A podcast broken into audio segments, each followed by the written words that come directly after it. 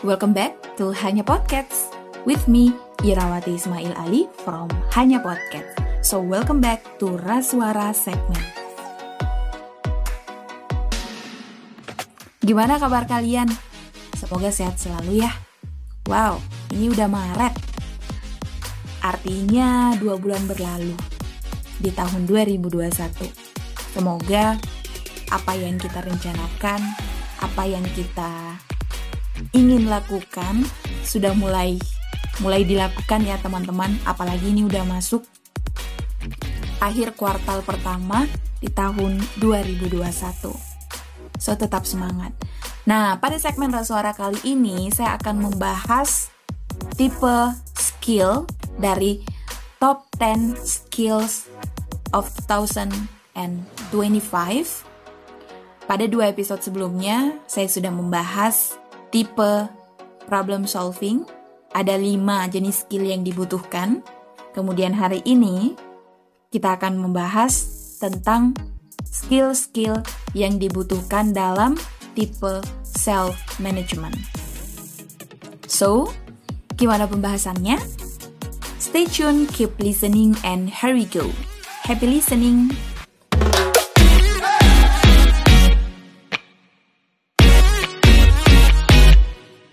Oke, teman-teman listener. Seperti yang saya sampaikan sebelumnya bahwa dua episode sebelumnya pada segmen Rasuara, kita sudah mengupas tuntas terkait skill-skill yang dibutuhkan untuk menjadi problem solver. Pada kesempatan kali ini, saya akan membahas dua skill dalam kategori self-management. Menurut prediksi World Economic Forum, pada pengkategorian yang kedua itu adalah kategori self-management. Ada dua skill yang disampaikan, yaitu kita harus memiliki skill active learning and learning strategies. Kemudian yang kedua adalah skill resilience, stress tolerance, and flexibility. Oke, mari kita bahas satu persatu. Yang pertama adalah active learning and learning strategies.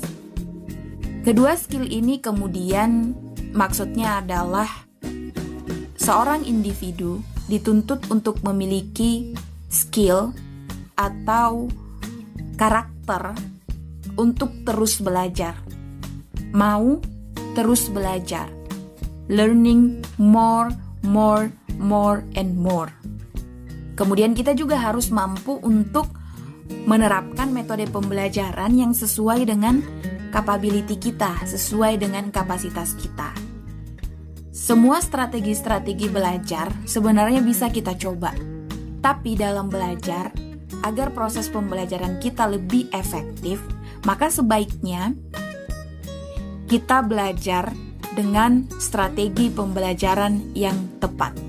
Seseorang yang active learning itu adalah selalu ingin tahu, selalu haus akan ilmu. Ketika dia mengetahui sesuatu, maka dia akan mencari tahu lebih dalam. Sebagaimana kemudian sering kita dengar ya bahwa orang yang sukses dalam belajar adalah orang yang terus merasa bodoh. Di situlah kemudian kita titik kita menjadi seorang active learning atau active learner. Menjadi seorang pembelajar yang aktif kapan pun dan di mana pun. Nah, jika kita berbicara mengenai learning strategi, sebenarnya alasan-alasan seperti keterbatasan itu tidak ada lagi. Kenapa? Karena sekarang itu kalau kita bisa bilang nggak ada batasan ya emang nggak ada batasan lagi. Hal apa pun itu kita bisa pelajari dengan gratis sisa buka Google, buka internet, langsung cari apa yang mau kita pelajari, apa yang mau kita baca, tersedia. Di situ juga diperlukan yang namanya kita mampu untuk memilah mana informasi yang benar, mana informasi yang valid, dan mana yang tidak valid. Makanya kemudian sangat diperlukan untuk mempelajari dari sumber-sumber yang kemudian jelas agar kita bisa terhindar dari informasi-informasi yang bias da dan tentunya kita harus bisa menghindari dari informasi-informasi yang hoax. Nah, bicara mengenai learning strategi, saat ini kita bisa menemukan banyak sekali platform-platform belajar online, platform digital online. Contohnya mungkin kalau kita bisa lihat ya, kita bisa dengerin podcast. Podcast-podcast yang edukatif, yang memberikan kita informasi, yang kita senangi. Kalau kita orangnya audio, kita dengerin podcast audio. Kalau kita orangnya visual, kita dengerin atau kita ikut belajar yang visual. Banyak sekali pilihan. Kita bisa learning kepada mentor tertentu. Misal kita ikut kelas, misal kita pengen belajar atau pengen tahu edit, editing atau ya editing audio, video, foto, dan lain-lain, kita bisa memilih mentor dan mencari mentor yang kemudian menyediakan jasa yang bisa memberikan kita edukasi terkait itu. Banyak sekali platform-platform, contoh mungkin Persivio, terus platform podcast seperti Inspigo, Magnatalk. Kemudian tentunya di setiap perusahaan jika kalian bekerja itu banyak banget tools-tools belajar yang kemudian sudah disiapin. Jadi sepintar-pintarnya kita untuk memilih strategi belajar yang tepat buat kita sehingga kita bisa efektif dan efisien dalam belajar. Itu yang pertama. Kita harus menjadi active learning dan kita harus mampu memanfaatkan strategi-strategi belajar yang pas buat diri kita. Oke, skill yang kedua dalam self management adalah kita harus punya skill resilient, stress tolerance, and flexibility. Resilient ini merupakan kemampuan seorang individu untuk bertahan dalam kondisi hidup yang sulit. Mungkin bahasa sederhananya, kita tahan banting. Kalau kalian yang pernah mendaftar atau melamar pekerjaan, terus kalian dapat tes psikotes atau tes uh, psikologi mungkin ya tes kepribadian terus kalian dapat jenis soal darat koran aritmatika itu adalah tes untuk melihat seberapa bertahan kita terkait sesuatu yang kita kerjakan.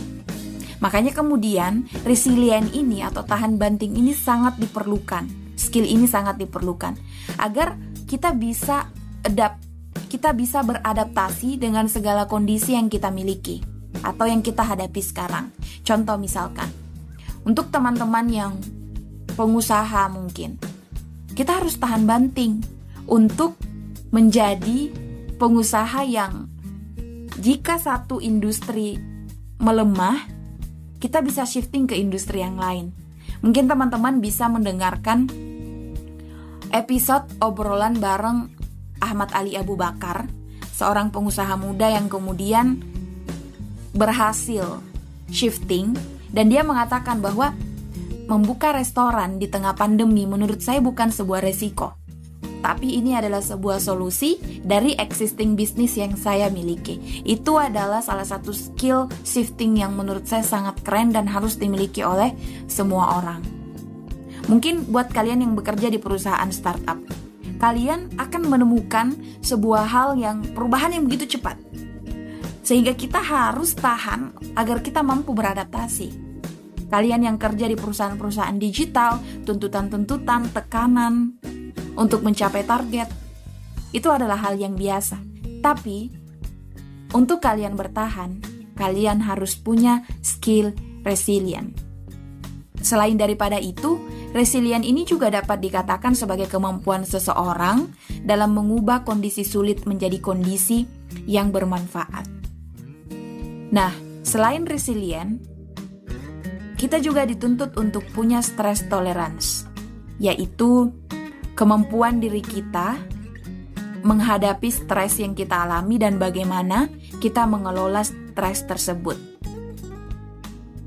Jadi, kita harus bersahabat dengan stres.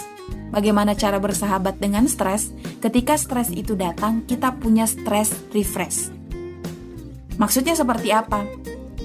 Kadang Ketika kita mengerjakan sesuatu yang kemudian memiliki tekanan yang sangat tinggi, akhirnya kita bisa sampai ke titik stres, kita capek, kita bosan, kita lelah.